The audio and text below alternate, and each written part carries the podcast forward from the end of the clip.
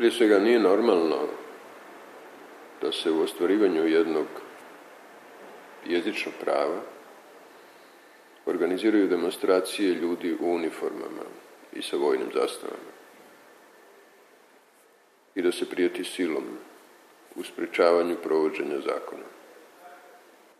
To nije svojstveno demokratskim društvima.